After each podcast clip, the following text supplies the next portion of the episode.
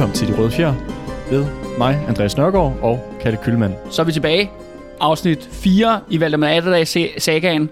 Og den her gang kommer det til at, øh, den her episode, den hedder De Gamle Guders Hævn. Vi havde jo lidt en cliffhanger sidste gang. Det må vi sige. Det er, det er den, vores historiepodcast, hvor vi efterlader altid på en cliffhanger, hvis ikke jeg har lagt mærke til det endnu. I sidste afsnit, hvis vi lige skal lave en lille recap. Ja, lad os lave et, et recap her. Vi, vi havde en situation, hvor at Gert, den kuglede greve, han var død, Ja. og hans øh, arving, Jern Henrik, han, øh, han er nu taget over fra, øh, fra, fra hans far, som øh, den reelle hersker af Fyn og Jylland, øh, sådan set.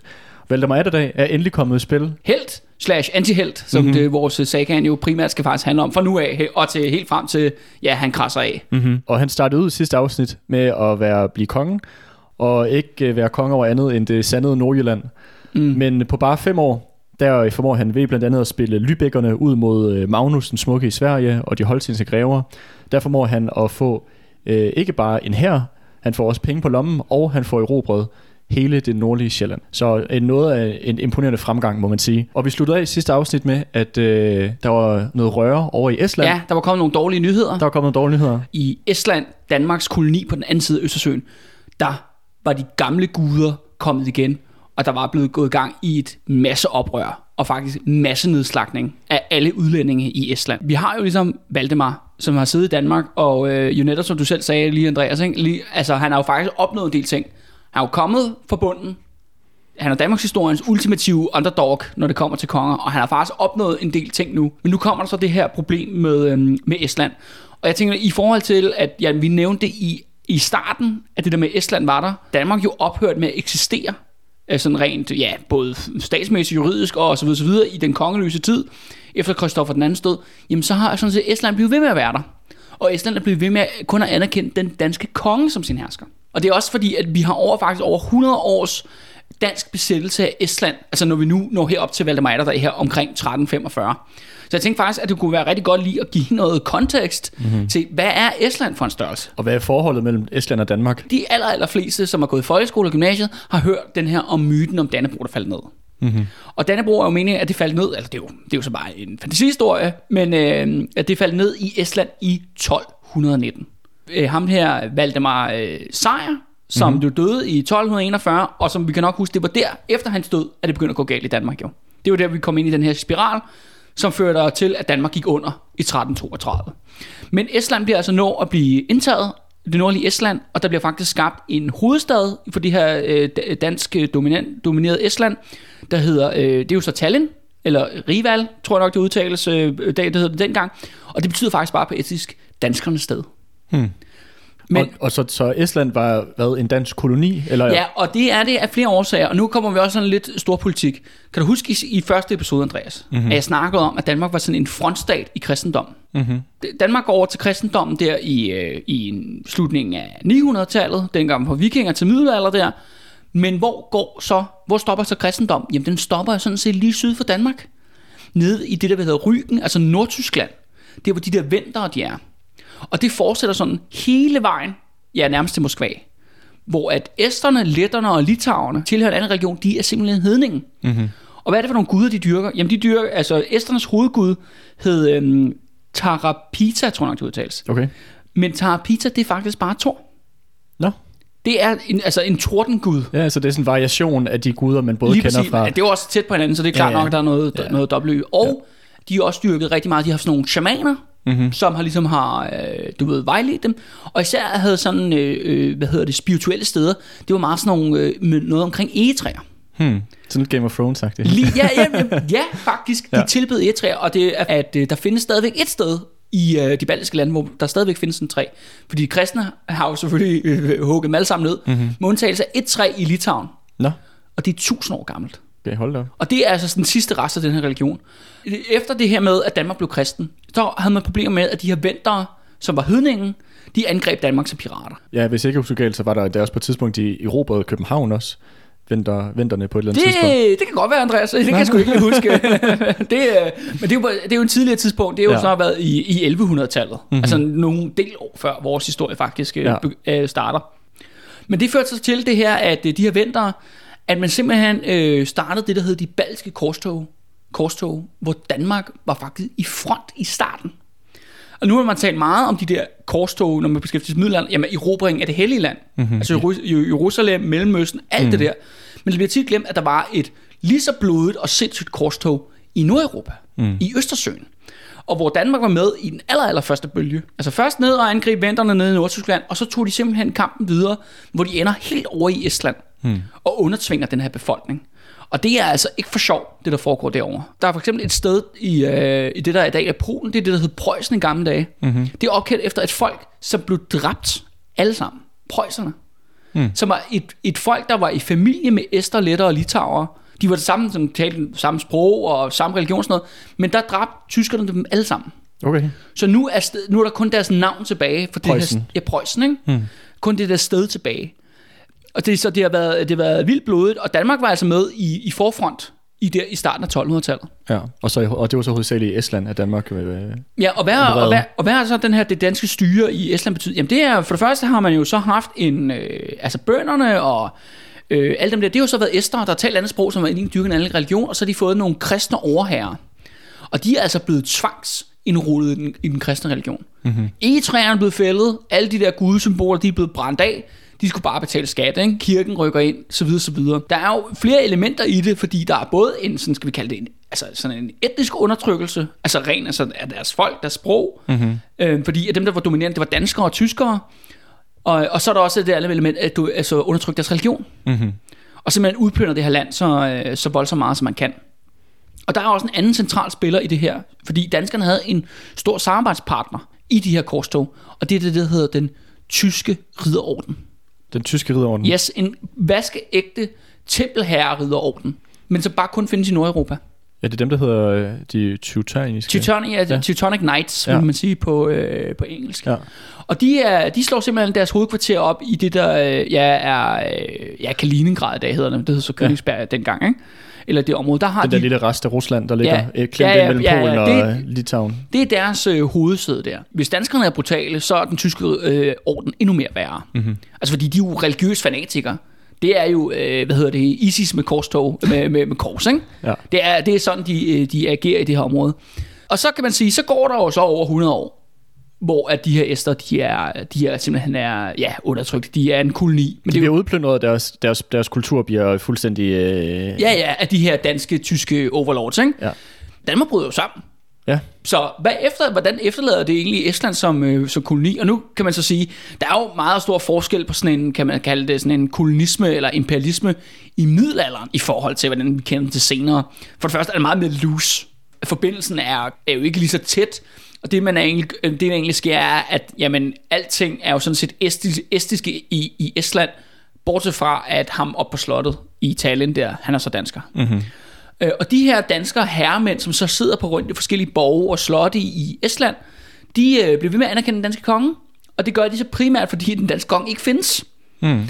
At det han- giver også noget autonomi til dem. Lige præcis, og mm-hmm. de kan jo så øh, plyndre, altså det er i stedet for, at de skal betale afgift eller skat eller loyalitet til en dansk konge, jamen så kan de bare give det hele til sig selv. Mm-hmm. Fordi at magten i Danmark er brudt sammen. Ja. Så det er jo en stor, kan man sige, intern fordel ved dem. På den anden side har du jo faktisk svenskerne lige over på den anden side af vandet. Mm-hmm. Fordi du har, svenskerne har jo, skal vi huske, at Finland er en svensk koloni. med Magnus den Smukke. Og så har du så, ja, svenske konge, svensk-norske konge, Magnus den Smukke.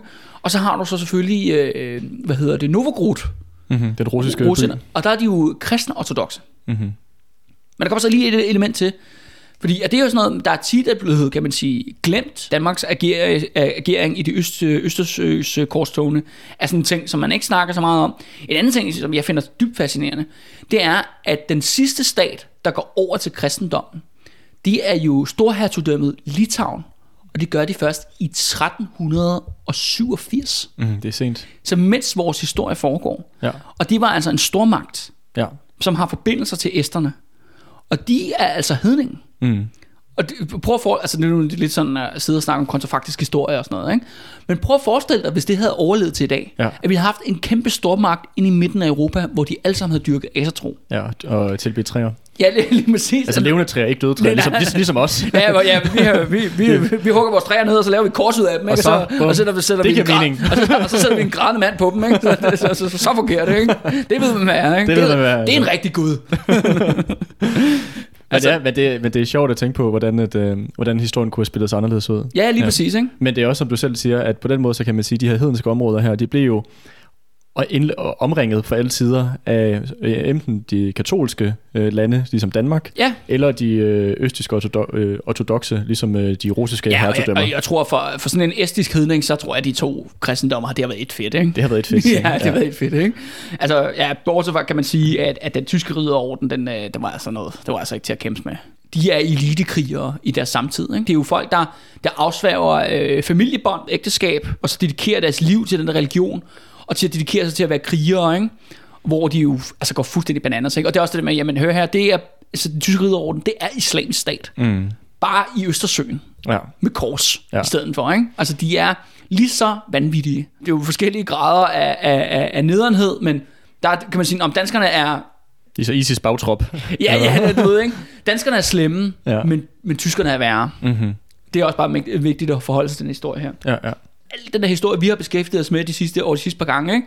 kollapset af Danmark, Valdemar Atterdags comeback, så videre, så videre, jamen så det her Estland ligget på den anden side af Østersøen, og ligesom rumstedet derovre. Mm. Men så i 1345, samme år som Valdemar, han begynder virkelig at tage kejler i den interne magtkamp, jamen der begynder det simpelthen shit og histe fan over i Estland. Estland, de rejser sig i et religiøst oprør et etnisk religiøst oprør. Mm-hmm. Og det de gør er, at øh, for det første så mødes de alle bønderne, og så vælger de så fire konger.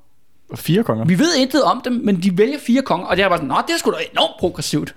I forhold til, hvordan vores konge er blevet valgt, ikke? Det er jo været på et eller andet topmøde, du ved, nede i Tyskland, hvor ja, en masse rige med den, øh, spillere, med, der... den, øh, med tyske kejser. Ja, men ja. Øh, for at sige, de der øh, fire konger, de er faktisk valgt demokratisk. Altså, eller så demokratisk som våbenfører mænd, der skal stemme om, hvem der skal være. Ja, men ja. det vil sige også, bønderne har faktisk haft en stemme, Ja, ja, ja. og hvem der skulle lede æsterne i det her oprør. De er simpelthen øh, rampager hele den etiske landside. Og det, de går primært efter, det er jo de her kloster og de her kirker. Øh, og så alle folk, som ikke er æstere. Og det er så skal siges, det er primært tyskere, mm-hmm. fordi dem er der flest af. Altså Ja. ja. sådan en koloniherrer øh, i området. og, Men der er mange, selvfølgelig og, også nogle mange, den, danskere. og mange af, din, af den danske adel også var tyskere. Og det de simpelthen, de, de her æster, de går fuldstændig amok. De dræber kvinder og børn.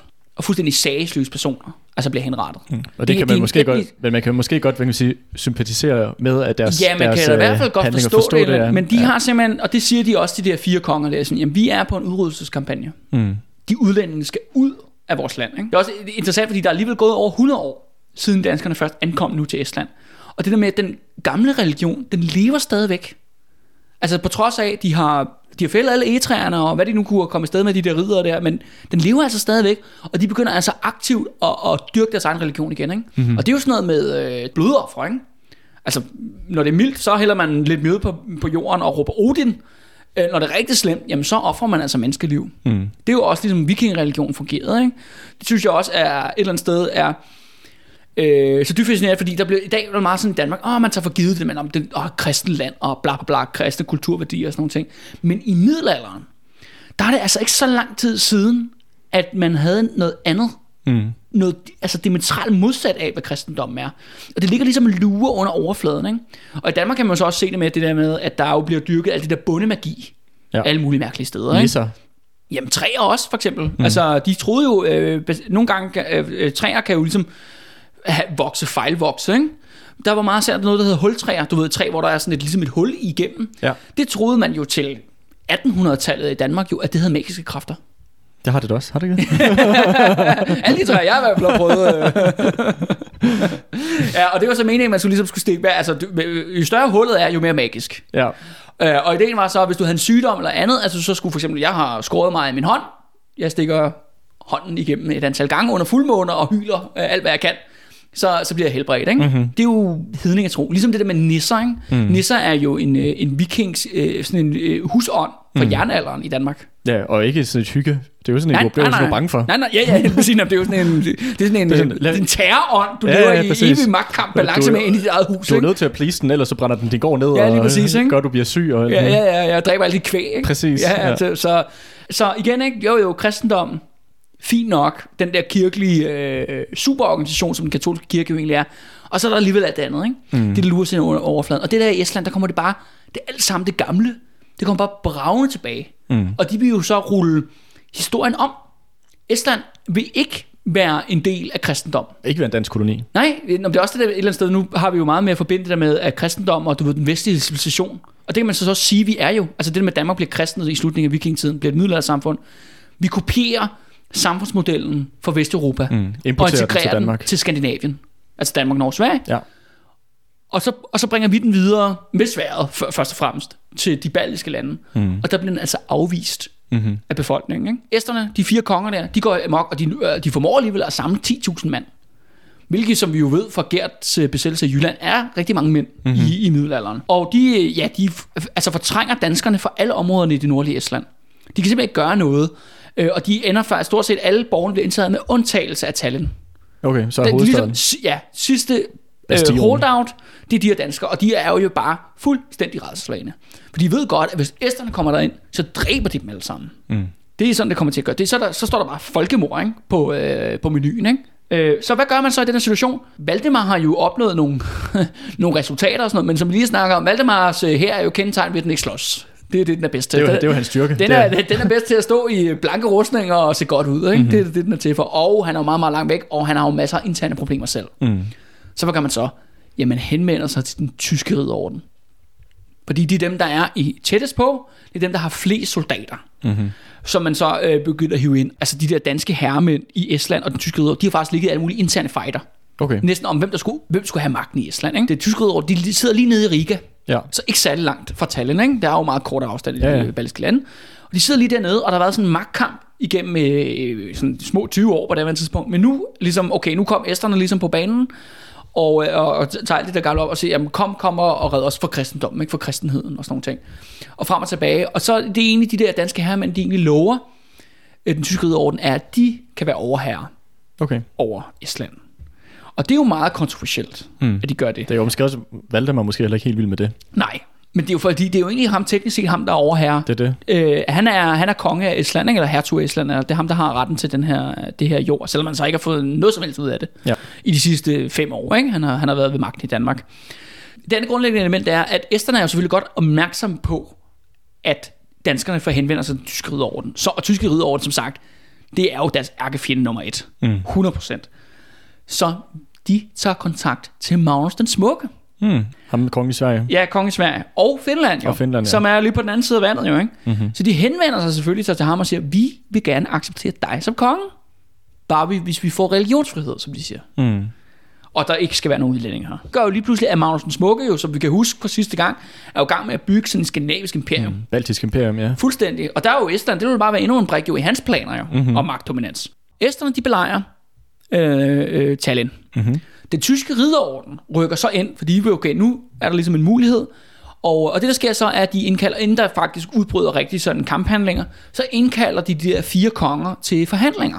Ja, Og ligesom prøver, altså den tyske ridderorden. ja, den tyske ridderorden indleder til forhandlinger og aftaler. De kilder, vi har, Esterne har jo ikke skrevet noget ned selv. Mm. Det er kun for kristne munkes synspunkt. Men selv munkene, der har skrevet det her, som jo så var modstandere, hardcore modstandere af, den, af deres religion, æsterne, og æsterne i det hele taget, de synes selv, det, der sker det næste, er foragteligt Okay, og under det, det lugter lidt af et bagholdsangreb. Det er lige præcis det, er lige præcis det der sker. Fordi de her fire konger kommer ind til forhandlinger, og så dræber tyske, den tyske ridderorden dem. Det er brud på så mange regler i middelalderen. Mm. Og jeg tror, det er løgn. Vi snakkede om tidligere, at uh, i sidste afsnit, at de godt kunne lide at, at forhandle og snakke sammen, når der var de her belejringer. Og, Ja, lige præcis, men det er også ja. det med, når man ligesom når til forhandlinger, så skal man jo ligesom garantere, at man ikke dræber den anden jo. Mm. Der er alle mulige sådan love og sådan gamle traditioner, man, dræber, man sniløber ikke sin modstanders leder på den der måde, når man Mm. forhandler jo. Men det vælger så den tyske ridderorden at gøre. Ja. Altså selv man, de indkalder de der fire konger til at møde ind i en af deres borge, og de kommer aldrig ud igen. Mm. Det tyske ridderordens forsvarsskrift er jo sådan lidt, jamen de faldt på et svær, ikke? De gled, de gled, De gled bare ned ad trappen, lige ned alle de her spyd, vi havde øh, ned, ned for enden. Det var meget uheldigt. Det er sådan, som de præsenterer det, ikke? De, Ja, ja, de, de siger sådan noget med, jamen de startede, og sådan noget. Det var dem, der var ophidset, ikke? Mm-hmm. Eller sådan, ja, det, kan, det, det har jeg svært ved at forestille mig. Gør jo selvfølgelig ikke æsterne mere oplagt. Men så kommer altså den tyske ridderorden, og de pløjer simpelthen smadret de der æster der. Fuldstændig uden for en Tallinn i sådan slag.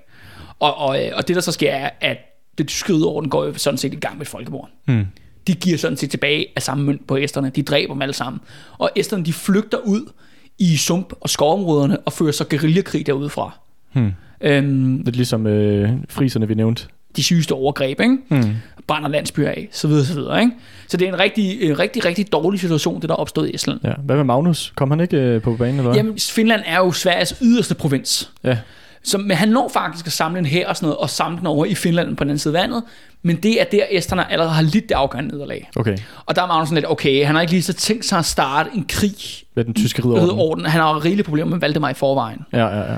Der er jo, anden- altså, du ved, det er jo det der med den tofrontskrig, det skal man passe på med sådan noget, ikke? Så han siger, okay, ah, og nu, da hans allierede ligesom er smadret, jamen, Ja. så ligesom, okay, så bliver det også meget sværere. Det må blive en anden dag.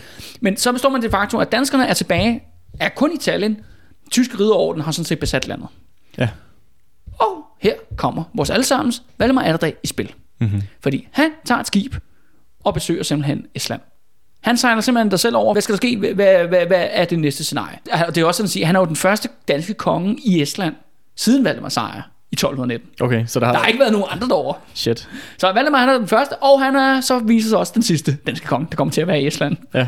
Øh, minus dronningens øh, besøg her for nylig, ikke? Ja, og for var det, var det ikke øh, to, nej, 800 års Ja, jubilæet, det, kommer, der det, kommer, det kommer vi til, når vi skal afslutte det her Estland her. Ja, Ja, okay. Det har jeg lige noget, jeg gerne vil sige om Ja, okay. Øhm, Det har jeg også, tror jeg. Ja, ja. øhm, så det der sker er, at han kommer over og tjekker det ud, og så siger, ja, det ser ikke særlig godt ud. Øh, vi er til, slået tilbage til en borg. Tyskerne har sådan set magten. Alle vores bønder er blevet massakreret i en religiøs krig. Altså, det her område er ikke faktisk særlig meget værd. Så han spørger tyskerne, den tyske ridderorden, kunne I tænke at købe det? Hmm. Og det vil de. Han, han prøver ligesom at gøre, skal, hvad kan man sige, få det bedste ud af en dårlig situation. Ja, Valdemar sådan ligesom anerkender siger, jamen for det første, jo, altså teknisk set er han sådan set overherre. Og de kunne selvfølgelig trække det ud med en god gammel retssag, eller noget andet fyldigt. Og de skulle selvfølgelig, når det er så, fordi tysk ridderorden er en religiøs orden, så skal man også have paven med. Ja, ja. Du ved, så skal man have kirkelig byråkrati. Åh, hold nu kæft, Og hvis ikke? noget, noget der, som vi alle sammen ved, der ikke fungerer som Ja, ja, byråkrati. og, og teknisk set, så kunne han sådan, så godt beholde den øh, overherredømme over Estland. Men igen, hvad vil han få ud af det? Mm. Og så skal vi huske på, hvad er Valdemars prioriteter? Apropos det, der vi hele tiden taler om sidste gang. ikke? Hvad er Valdemars delmål? Hvad er det, han gerne vil opnå? Og det er jo stadigvæk Vordingborg Mm-hmm. på Sjælland, Sydsjælland, som stadigvæk er den afgørende hovedpris. Så du selv siger, så han beslutter simpelthen at indgå en handel, hvor for 19.000 mark, altså endnu flere penge, der kan han simpelthen sælge Estland til, øh, til den Tyske ridderorden. Ja. Men der er lige en under, underaftale til aftalen. Det er, at øh, man blev besluttet med, at fordi det er meget, fordi det der med, jamen det er jo danskerne, der erobrer det, den danske kongeslægt og sådan noget, så videre, så videre. Det kunne være rigtig godt, hvis den, den nye overhoved, altså for den tyske ridderorden, var af den danske kongeæt. Så Otto bliver simpelthen hævet ud af, af pension. Nå, han kom ud af hans kurophold, Lige, lige præcis. Øh, Otto, altså Valdemars øh, øh, ja, æl- ældre bror, som der skulle have været konge jo. som du skulle have været konge, og forsøgte også at blive ja. konge. Lavede et oprør, men det men fejlede. Ja, men, men sad, i fængsel, i, fange, ja. sad i, i fængsel i syv år, hvor efter Valdemar påstod, at han var blevet deprimeret og retarderet. Men det han var han så åbenbart ikke blevet alligevel. Så Der er tydeligt. ikke nok til, at han godt kunne blive leder af den han kunne tyske... lige pludselig komme ind og blive meget, meget højt prominent medlem af den tyske ridderorden. Okay. Og Valdemar gør jo også det her, fordi at så længe Otto er i live Mm-hmm. og en spiller i dansk politik, så er han jo sådan en konstant trussel mod ham og Ja. kongemagten. Ja.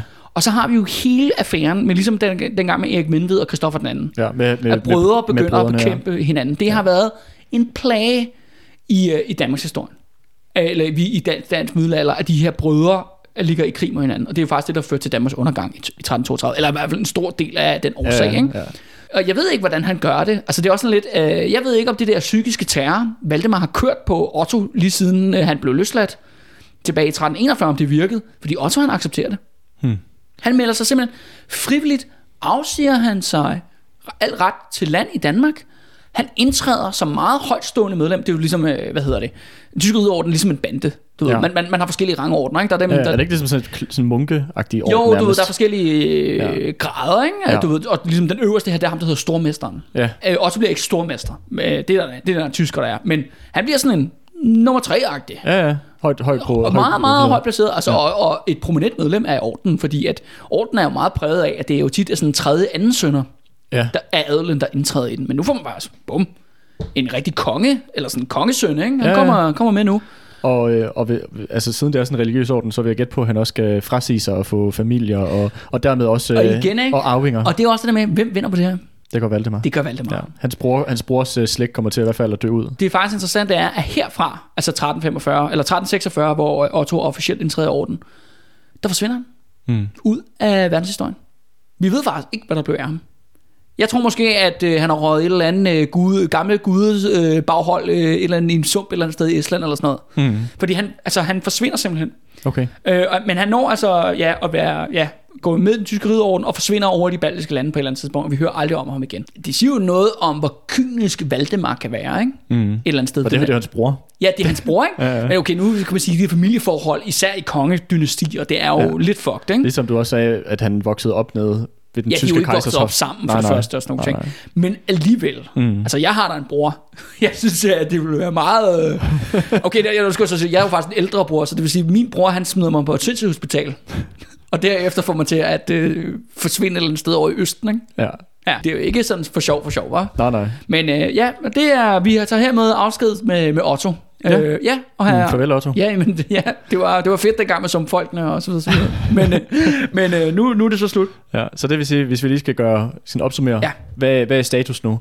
Estland, der, var, der plejede at være en dansk besiddelse, er overgået nu til den tyske ridderorden.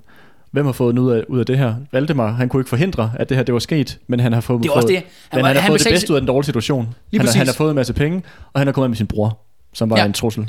Så han har bare slået to fluer med et smæk. Mm-hmm. Han har godt nok, øh, hans øh, forhandlingsskills er jo fuldstændig fænomenale. Hvordan fanden han får, øh, får gradet den her situation? Altså, du ved, han, for, han forventer en situation, hvor at en del af hans rige er sådan set gået i total opløsning, i Ja. ja. kollaps i intern borgerkrig. Til at han kommer ud med flere penge på lommen, og han er kommet af med en potentiel rival ved Ja. ja. tronen. Ja. Best personal, altså det bedste scenarie, han overhovedet kunne forestille sig, Mm. tror jeg.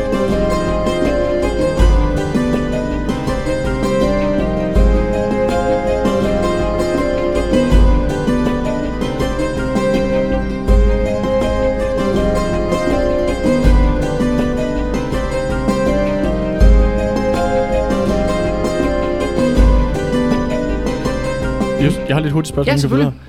Estland, er vi færdige med Estland, kommer det tilbage på danske hænder før eller siden? Nej, okay, nu lad os, så lad os lige runde af Okay. med, med Estland, fordi Estland kommer jo faktisk aldrig nogensinde tilbage til, til Danmark. Okay. Det skal så siges, at den der ø, der hedder Øssel, som er sådan en del af Estland, en Ja. stor ø, der ligger ude i Østersøen, det kommer faktisk til at være en del af Danmark igen. Ja. I 1500-tallet. Det er en helt anden historie. Okay. Og det er kun den der ø der, som egentlig har en betydning. Resten af kernen af Estland, det er under forskellige overherrer øh, derfra. Først har du den tyske ridderorden, øh, så har du svenskerne kommer også ind i en periode. Mm-hmm. Sar Rusland måske? Tsar Rusland, Ja. øh, Sovjet, øh, nej, og så bliver de så uafhængige en kort periode, så kommer Sovjetunionen, og så bliver de så selvstændige i 90'erne. Mm. Men i Sovjetunionen, der er de jo en del af Sovjetunionen, som en, Ja, som en selvstændig republik. De er en sovjetrepublik, en som det hedder. Ja. ja. Øhm, og, og så kommer lige sådan en interessant twist her. Det, det, jeg synes, det er jo lidt interessant med det midler. Mange af de historier, vi fortæller i dag med Valdemar Atterdag og sådan ting, det har jo ikke den store betydning for dig og mig, Andreas. Du ved, der har været lidt i forhold til Niels Ebbesen, som er blevet dyrket i slutningen af 1800-tallet, starten af 1900-tallet, specielt i Randers, som sådan en nationalistisk øh, held. Men det har været meget, meget minimal betydning for os. Mm. Forstår mig? Det har ikke nogen stor impact. Til gengæld, danskertiden i Estland, altså som esternes fortælling om dem selv, det er sådan noget, de fejrer. Ja. Helt vildt. De fejrer, selvfølgelig kan man sige, at det er danskerne, der har lavet Tallinn. Og det kan man jo ikke lave om på. Nej. Så Danmark har, kan man sige, jo sat et præg ved, at deres hovedstad er sådan set en dansk koloni, der er startet der. Ikke? Mm-hmm. Og jeg tror nok også, at den gamle borg står stadigvæk og sådan noget. Det skulle være meget flot, hvis man nogensinde er i Italien og besøg. Ja. Men det er også bare i forhold til, nu var der jo 800 års jubilæum jo sidste år, Det er det. hvor dronningen var derovre, og de var helt øh, vilde med det der, med, de snakkede om, øh, om danskertiden og sådan nogle ting. Det synes jeg er vanvittigt fucked up. Fordi det svarer til, at vi, at vi lavede en statue af, du ved, Johan den Milde uden for en Helsingkirke, der hvor det gik med Sakra i sidste afsnit. Mm. Eller Gert den kuldede greve, øh, du ved, eller Jan Henrik eller sådan noget. Mm. Det er jo dyrkelse af sine undertrykkere. Ja. Altså, og, og nu er det jo sådan meget, sådan historiebrug er jo meget blevet brugt jo til ligesom at dyrke sådan en national fortælling om gode og de onde og sådan nogle ting. Og der, der falder- passer for eksempel Niels Ebbesen ind i sådan en dansk forståelse, ikke? Ja. Men hvorfor dyrker æsterne danskertiden? Ja, men det er sjovt, fordi at, altså, hvis... Jeg Ja, jeg har, jeg har et forslag til et svar, men lad mig, Ja. hvis du har noget, du gerne vil sige. Ja, men det var også bare fordi, at jeg, øh, jeg øh, var på et tidspunkt og høre, jeg tror, det var også sidste år med det her 800-året for jubilæet med dansk besættelse af, af Estland. Der var Ja. jeg og høre på Svanemøllen Kaserne et, øh, sådan et møde omkring øh, danske tropper i Estland. Dan- Danmark Ja, der er jo stationeret danske tropper der Ja, nu. vi ikke? har jo sådan noget, jeg ved ikke om det er sådan noget, 200 eller sådan noget danske soldater i Estland. Det, Ja. ja. ved man, det hører man ikke så meget om, men det Nej, er der i nej. hvert fald. Og det er jo noget, som øh, der er blevet optrappet efter øh, hele Krim-affæren. Ja, og der er Øhm, stort russisk mindretal i, i og der er nemlig et Estland stort, stort mindretal i Estland i dag, ja. Øhm, så i hvert fald så var jeg inde og høre sådan et oplæg, med, hvor den, både den danske ambassadør og den este, estiske ambassadør øh, Ja. ja. var til stede. Og det blev jo hyldet som, jeg ved ikke, ind i himlen, at uh, det her med, det, det her, som du siger, den her glansperiode, med, med dengang Estland var, i, var en del af Danmark. Og sådan som jeg, mit indtryk var lidt, det er det her med eliten i Estland, der aktivt prøver at ligesom vende deres ansigt mod vest, væk fra Rusland. Altså prøve ligesom at, at understrege, hvordan de hører med til en del af Vesten, og i hvert fald ikke er en del af Østen. Altså det her med de her bånd, de har til øh, Skandinavien som mm. en Mm. del af Vesteuropa, og udviske det ellers tætte bånd, som de har haft igennem mange, mange år med Østeuropa. Især det her med at lægge fortiden med Sovjetunionen bag dem, Ja. er, er min, min fortolkning. ja, det tror jeg også bestemt er et stort del element af det. Men som vi lige har snakket om, de reelle begivenheder, Mm. er jo, tyder jo ikke lige frem på et godt. Nej, altså, nej, æsterne vælger at begå folkemord, eller de etnisk udrensning på alle udlændinge. Ja. Det er deres konklusion, efter at have været en del af det skandinaviske fællesskab. Men der er også et andet grundelement i det. Det der med at dyrke danskerne, og det sjove er, i, i, i Letland, der dyrker man jo svenskere. Fordi der har Sverige også været og sådan noget, mm. meget længe, faktisk helt op til 1700-tallet. Det er sådan noget nazi-shit. Det var, det var også noget, de gjorde nemlig under 2. verdenskrig. Der havde de jo også utroligt travlt med alle mulige nationale estiske fascister, øh, og i Letland og sådan noget med, at dyrke det skandinaviske. Mens de gik med drab på deres øh, fellow, øh, altså folk, der faktisk boede der, du ved, jøder og øh, russere og så videre, så videre. Mm-hmm. Og der blev dyrket helt den der sådan en nationalistisk fortælling op. Der er sådan en raceelement i det, hvor de bliver sådan, jamen vi er jo ikke, vi er jo ikke, og det er jo sådan, men de er jo ikke slavere. Nej, nej. Men de er jo fandme heller ikke skandinavere. Men de prøver ligesom at gøre sig til skandinaver, og det bliver sådan en, der er sådan et racistisk raceelement i det. Hmm. Øh, og det er det, der kendetegner rigtig mange af de østeuropæiske lande i dag. Det er, de jo i gang med, ja netop som du selv sagde, smide alt, hvad der er ved Sovjetunionen væk, og så genfinde et eller andet Eller noget opfundet forhold til fuld, Vesten. altså, fuld, altså ja. nu er der jo også meget nationalisme i Danmark, som også er sindssygt for. og nazisme. For Ja, ja, ja, ja, ja, du ved, det er også masser. Ja. At det skal man bare lige vide, når man lytter til det her, at i Estland, der dyrker estiske nazister Danmark. Mm. Det er da meget interessant i forhold til, hvad historie bliver brugt til. Ja. Altså nu, hør, historie er jo bare, hvad hedder det, det er slaraffenblad, hvor du bare kan pille ned på alle hylder, hvad du har lyst til at bruge. Ikke? Der er jo ikke, på den måde, der er jo desværre ikke nogen regler for, hvordan man skal bruge det. Ikke? Så hvilken som helst historisk tosse kan finde på, hvad man, man har lyst til. Ikke? Mm-hmm. Men jeg synes bare, der, det er et interessant element i det, når vi nu faktisk, at et stykke dansk middelalderhistorie virkelig bliver dyrket i et andet land. Mm. Hvilket er ret sjovt. Men det får så sin afslutning her med Valdemar Atterdags salg af ja. Estland i 1346.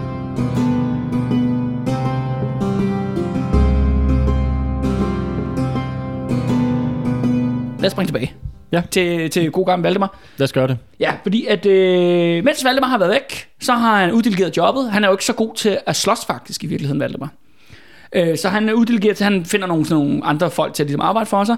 Og den her krig faktisk fortsætter sådan set i Danmark på Sjælland, øh, om hvad Europa de forskellige borge. Øh, og, det, øh, og det går faktisk ret godt, mens Valdemar er væk. Øh, han kan åbenbart godt finde ud af at ligesom uddelegere, når det passer. Så han Europa faktisk øh, Ringsted. Godt nok bliver Ringsted lige nu at blive brændt af, Holstenerne. Ikke så Minor godt. detail. men, men øh, Ringsted blev erobret. Øh, Næstved blev også erobret. Der er et øh, togt til Lolland, hvor at, øh, Lolland sådan set bliver indtaget. Øh, og så er det interessant, Og ja, er, det, er jo så, det er jo så fra Johan den Milde. Ja. Han indtager de her ja, områder. der er sådan simpelthen en, en krig i gang mellem øh, Johan Mille og, øh, og så Valdemars øh, stedfortræder Danmark, mens han er i Island. Ja. Og, og forhandler med den tyske ridderorden. Borg der, øh, på Sjælland, der hedder Gunslev Holm, den findes ikke mere, men der var en borg engang. Øh, og der er åbenbart, øh, der, øh, der de overgav sig holstenerne, der blev de åbenbart altså masse henrettet bagefter. Nå. De, der, der, der står sådan, i, i kilden står der, de sprang over klingen. Og Det sprang over klingen. Ja, og det er sådan et middelalderord for, at vi dræbte dem alle sammen. Okay. Altså forstår klingen er... Ja, ja, ja. Og jeg, men jeg har aldrig forstået det med, at de springer over den. Er det fordi, du hugger hovedet af dem, eller hvad? Nå, men så hopper han jo, eller sådan Ja, det kan godt være. Det, Ja. ja. det, er også en, det er også en meget øh, god måde at man sige, frelægge dig. Det er, ej, men det er ikke mig, der gjorde noget. Det var dem. ja, ja, nå, ja. Jeg stod bare med mit svær. Og så hoppede de ind i det. så hoppede de bare ind i det, og så døde de bare alle sammen. Ja. Ja, Så meget det- beklageligt. Ja, det, jeg, men jeg synes bare, det er meget fedt sætning, ikke? De, man springer over klingen. Ikke? Øh, Valdemar kommer så tilbage, og han indtager sig også nu, altså Valdemar der, øh, leder sin her, øh, og så indtager han faktisk Tornborg, som du nok kan huske, han lavede det der skinangreb på den sidste gang, ikke? Ja. Med, med lokkeduerne, de der to biskopper og sådan noget. Yes. Så det ser rigtig godt ud. Så der er faktisk kun én borg tilbage. Og det er så den store, vigtige Det er den store vigtige, det er Vordingborg. Mm-hmm. Og nu skal jeg lige love for, at der er blevet sat op til showdown. Altså, Gert blev jo myrdet i sin seng Mhm. af Niels Ebbesen. Og Jan Henrik har jo ligesom, okay, han har været lidt, okay, vi prøver måske at finde en aftale ikke? Han har ligesom, okay, tilbagetrækning. Johan har jo siddet som en, en, en kniv i siden på Valdemar siden dag 1, ikke? Mm-hmm. i den her konstante krig, som har lagt store dele af Sjælland øde og sådan noget. Nu er der virkelig sat op til showdown. Ja. Altså Valdemar, han samler sin her, og Johan den Milde, han samler også sin her. Og alting bare samler sig om, hvad skal der ske med Vordingborg. Mm-hmm. Nu får vi det store Ringnes herreslag, der hvor det alting skal bare briste eller bære. Men da det her ikke er en film, men virkeligheden, så ender det selvfølgelig fuldstændig anderledes. Fordi at øh, Johan, han er jo selvfølgelig den øh, usle slange, han er, så der kommer altid noget slag. De to her står opmaksimeret foran hinanden, og du ved, man er virkelig klar til at gå i kød på hinanden, mm-hmm. og så siger bare Johansen, vil du være, jeg tager gerne mod bestikkelse. og så får han så 8.000 mark af de der Estlands penge. Okay. Og så forlader de simpelthen Vordingborg i god orden. Sådan. Og så har Valdemar sådan set indtaget hele Sjælland og, Og så- og, ja. og, og London Falster, vel? Ja. Eller hvad? Ja. Så har han nemlig opnået sit mål. Han har nemlig indtaget Vordingborg på den mest antiklimaks måde, jeg kunne overhovedet kunne forestille mig, efter Danmarks kollaps og krig på Sjælland og helt vildt og Og så bestikker han sig Ja, bare sådan, "Nå, men så tager jeg bare hjem, ikke? og så er det ligesom... Og så forlader faktisk øh, Johan den Milde, han forlader jo så faktisk øh, Danmark. Ja, fordi han har jo mistet både alle besiddelserne i Sverige, gående Halland Bleking, som er blevet overtaget af, af Magnussen Smukke, Ja, og så nu med, nu med Sjælland og London Falster, så har han jo sådan set mistet alt i Danmark. og han har jo måske så tænkt, okay, i stedet for at kæmpe det her store slag, og det er jo sådan, efter sine, så skulle styrkerne være meget jævnbyrdige. Så er det bare sådan, okay, hvor du hvad. Han er måske lidt ligesom Valdemar er med Estland, ikke? Det der med, okay, prøv at få det bedste ud af det. I take, I take the money and run, ikke? Ja. Valdemar har jo faktisk opnået, det tog så lige godt nok til år, men Valdemar har opnået sit mål. Hvad for et år er vi nu? Er vi Det er vi i 1346. 1346. Valdemar har erobret Vordingborg. Nu er hele Sjællands hans. Og, Nor- og Nordjylland. Øh, og det skal så siges, at han øh, gør Vordingborg til sin hovedstad. Okay. Fordi at Vordingborg er det her, det er jo ikke fordi, der er en stor by, men der er et stort borgkompleks. Den Ja. stærkeste borg på hele Sjælland. Strategisk ja. vigtigt. Det gør han simpelthen til sin, øh, til sin hovedstad. Og så skal man så sige, jamen, øh, hvad gør Valdemar så nu? Han forsvinder. Okay. Det, der sker, er, at på Sjælland, der siger han til alle sine øh, herremænd, som er under ham, så siger han, "Ved du hvad, jeg tager lige til Nordjylland en gang. I Nordjylland, der siger han til alle dem, der er, øh, som er herremænd deroppe, så siger han bare sådan, jeg tager lige en tur til Sjælland. Og så er Valdemar væk i de næste seks måneder. Hmm. Hvad sker der der? Valdemar, han beslutter sig fu- fuldstændig ud af det blå, at øh, han skal skulle lige på pilgrimsfærd til det hele land. Så han tager ned til Jerusalem. Uden at sige noget til nogen. og jeg, jeg tror, det er fordi, at øh, når kongen er væk, jo, så kan der jo starte af mulige øh, ballade og magtkampe og viske tiske i øh, forskellige hjørner og sådan nogle ting. Så det er bedre at tro, at alle, alle tror, han er et eller andet sted. Ja, ja. Han er lige om hjørnet, ikke? Ja, ja, ja. Og det skal også siges, det er jo helt normalt jo faktisk i middelalderen, at kongen er konstant på farten. Og som man nok kunne fornemme på vores historie indtil videre, Valdemar har jo virkelig rejst rundt, ikke? Ja, ja. øh, frem og tilbage. Sådan noget. Men han tager simpelthen hele vejen til, til Jerusalem, for at stå ved, øh, ved hånden på Jesu grav, dernede den der øh, kirke dernede. Hvorfor gør han det? Og, og hvorfor der? Altså, øh, mm. det er jo virkelig sådan, er det ikke lidt bold move at, at gøre det? Altså, jeg tror i hvert fald, en af grundene til, at han har gjort det, det er selvfølgelig af prestigemæssige årsager. Det er jo meningen, at alle kristne i løbet af deres liv skal tage på en pilgrimsfærd til det hellige land. I, den, i middelalderen. ja. Det er, jo, det er jo faktisk også det, mange muslimer faktisk stadigvæk gør den dag i dag. Ja, ja, men de er tager bare til. Mekka, ikke? Ja. Ja. Det skriver man så også i kristendommen. Men det skal så siges, at det hellige land er jo faldet til muslimerne igen her. Mm-hmm. I, uh, i 13, 1347. ja som til er, ham der, hvad det nu, han hedder? Øh, Det er kontrolleret fra Ægypten, mamelukkerne. Ja. ja, Mamelukkerne er. De kontrollerer nemlig det, det hellige land der, i den her periode. Øh, Men han kan simpelthen få frit leje det og tage ned. Det er, det er jo noget af det mest bold propaganda-move, du kan gøre som middelalderkonge. Det er lige, jeg tager lige på pilgrimsfærd. Mm. Det andet er også, at det er jo mere det der med, hvor- hvorfor er det Valdemar gør det? Og, og jeg kommer bare til at tænke på, i forhold til hans egen far, som blev bandlyst. Hvis du kan huske det. Christoffer øh, ja, fra kir- Han ja, røg kirken. nemlig ja. i konflikt med kirken. Ja. Det, Valdemar fik jo øh, smidt den katolske kirke efter Johan den Milde jo, Mm-hmm. i sidste afsnit. Ja, og fik et par borg ud af det. Ja, og fik et par borg ud af det. Så er jo det her element med at bruge kirken og sådan nogle ting. Ja. Jeg ser måske lidt det her, den her tur til det hele land, som en slags forsikring. Mm. Altså Valdemar, han tager et kort op på hånden nu. Ja. En ting var, at det var meningen, at alle konger og gode ridder og bla bla bla skulle på pilgrimsfærd. Det var det langt de færreste, der gjorde det. Ja, ja. Og slet ikke her i 1300-tallet. Det var jo noget andet dengang, at det hellige land var kontrolleret af de der korsfartsstater. Ja, ja, ja. Hvor, som, så det var meget nemmere. Nu er det muslimerne er tilbage mm. og kontrollerer det hellige land. Jamen, så gør det jo også meget mere risky, men han gør det alligevel. Mm. Og det får vi jo se, som vores historie skrider frem. Hvis Valdemar ryger ud i en konflikt med kirken, Ja. på et eller andet tidspunkt, over et eller andet, måske nogle penge noget land, kunne man forestille sig, Mhm. Så er han meget svær at ramme, fordi han har været på den tur. Mm. Og Valdemar tænker, nå jamen, jeg er jo kommet tilbage nu, og Vordingborg er egentlig indtaget. Hvad er det bedste, jeg kan bruge min tid på lige nu? Jeg kan få, få stacket med, jeg kan få noget mere goodwill. Ja, lige præcis. Ja. Og det tror jeg derfor, øh, øh, og det er jo, han er væk i seks måneder. Mm. Det er jo ikke, igen, jeg er overrasket over, at det tog tegn i så kort tid, faktisk. Ja, jeg skulle lige så sige det der.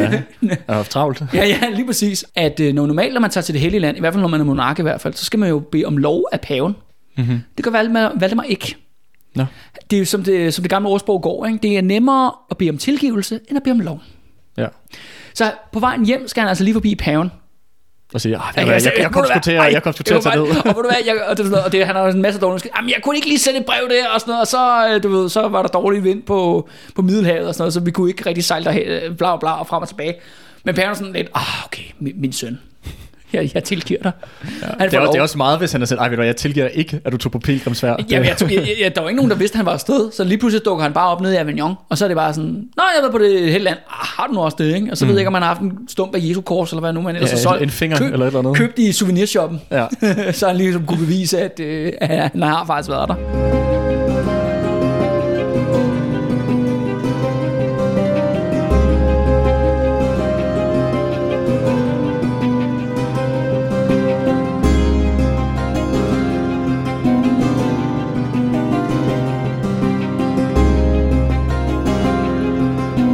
Så, så Valdemar, han, øh, han kommer tilbage. Nu kan man sige, at det, der har pladet Danmark igennem rigtig lang tid, det er jo det ene uheld efter det andet.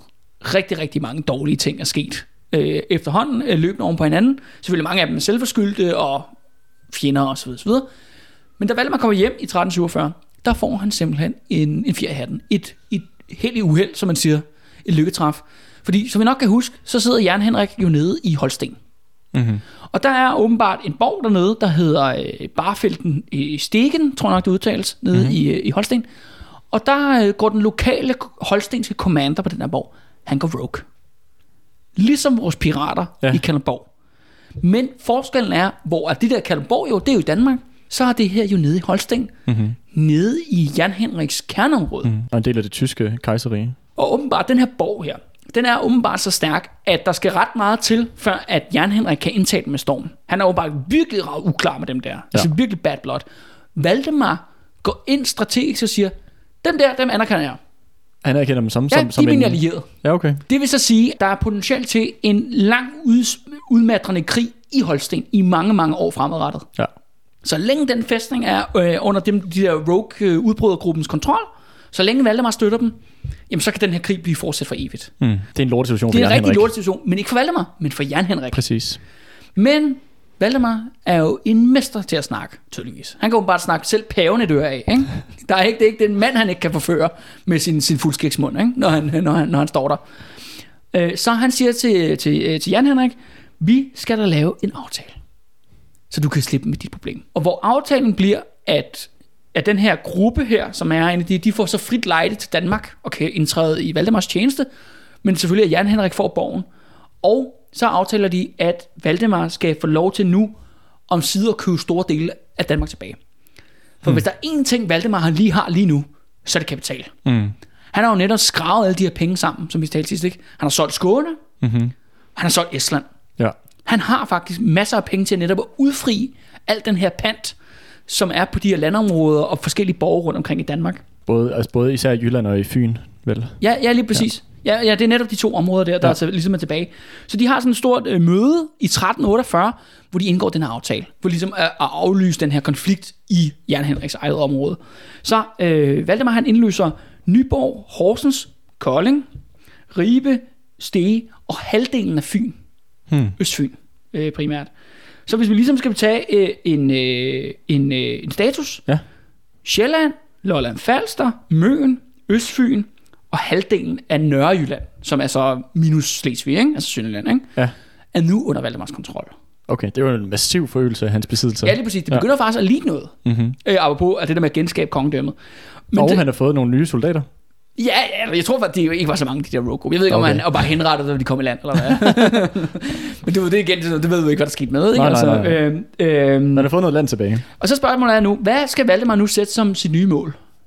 Hvad er det næste mål? Og jeg tænker herfra, her i 1348, det naturlige mål, det må jo være Skåne. Mm. Der er jo stadigvæk et stort kerneområde, hvor han ikke har nogen forbindelse, han har ikke en fod inden. Ikke? Det, der mangler af Fyn og Jylland, det kan man godt se nu. Okay, det får han tilbage.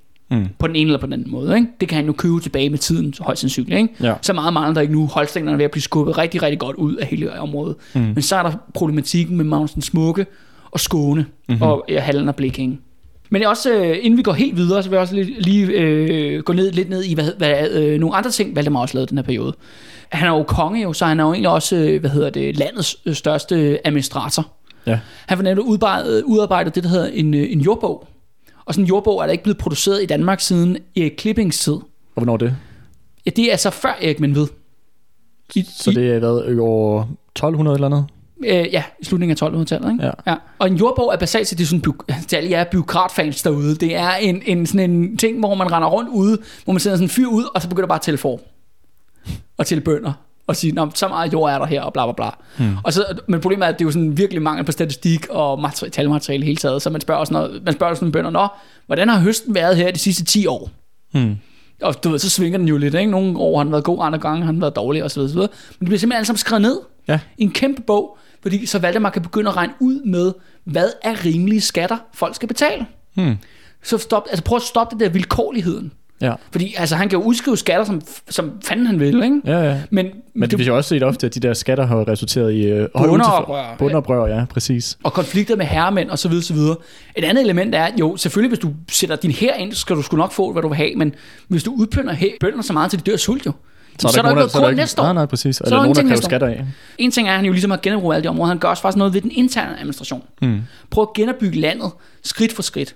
Det andet element er jo så også, at som vi ved, øh, der har jo været den kongelige tid, og så har man jo lige pludselig Holstensret. Retssagerne har hobet sig op. Der er rigtig mange, der står i kø for at sagsøge hinanden. Og Valdemar, øh, han fiser altså også rundt og, og leger dommer. På, og det han er jo, fordi han er jo landets øverste retsinstans. Mm. Altså når du har ligesom har udbrudt alle de andre muligheder, jamen, så er det den sidste overdommer overhovedet, det er kongen. Ja. Øh, og Valdemar skulle åbenbart være ret glad for det. Ja. Øh, det tror jeg også, jeg ville være, hvis jeg var kongen. Bare for lov til at bestemme. Så, Nå, men, øh, der er en eller anden, der beskylder en bonde for at sige, du har stjålet min høns, eller et eller andet. Så siger jamen så, så deler vi hønen midt over, ikke? Eller, eller, eller, eller, et eller andet. Ikke? Så, det, så det har han også rendt rundt og gjort rigtig meget af sådan, øh, på tinge. Så i det hele taget, så ser det jo faktisk lyser ud på nuværende tidspunkt. Men så sker der noget. Fordi at i 1349, i sensommeren 1349, oppe i Vendsyssel, jeg forestiller mig lidt faktisk, at det er vores øh, gode gamle ven, Tyge, strandvasker Tyge. Ja. Han render rundt ud på stranden, plynder nogle lig. Lige pludselig så tror det, der er bingo. Fordi der er faktisk et helt skib, der er skyllet ind på kysten. Okay. Hvor de kommer ombord i skibet, og finder, at hele besætningen er død. Er det pesten, der er kommet? I hvert fald så ser de, at de har bylder i deres armhuler, i deres skridt og på deres hals, og de er alle sammen døde, og det er et britisk skib, som åbenbart er drevet ind på den jyske kyst.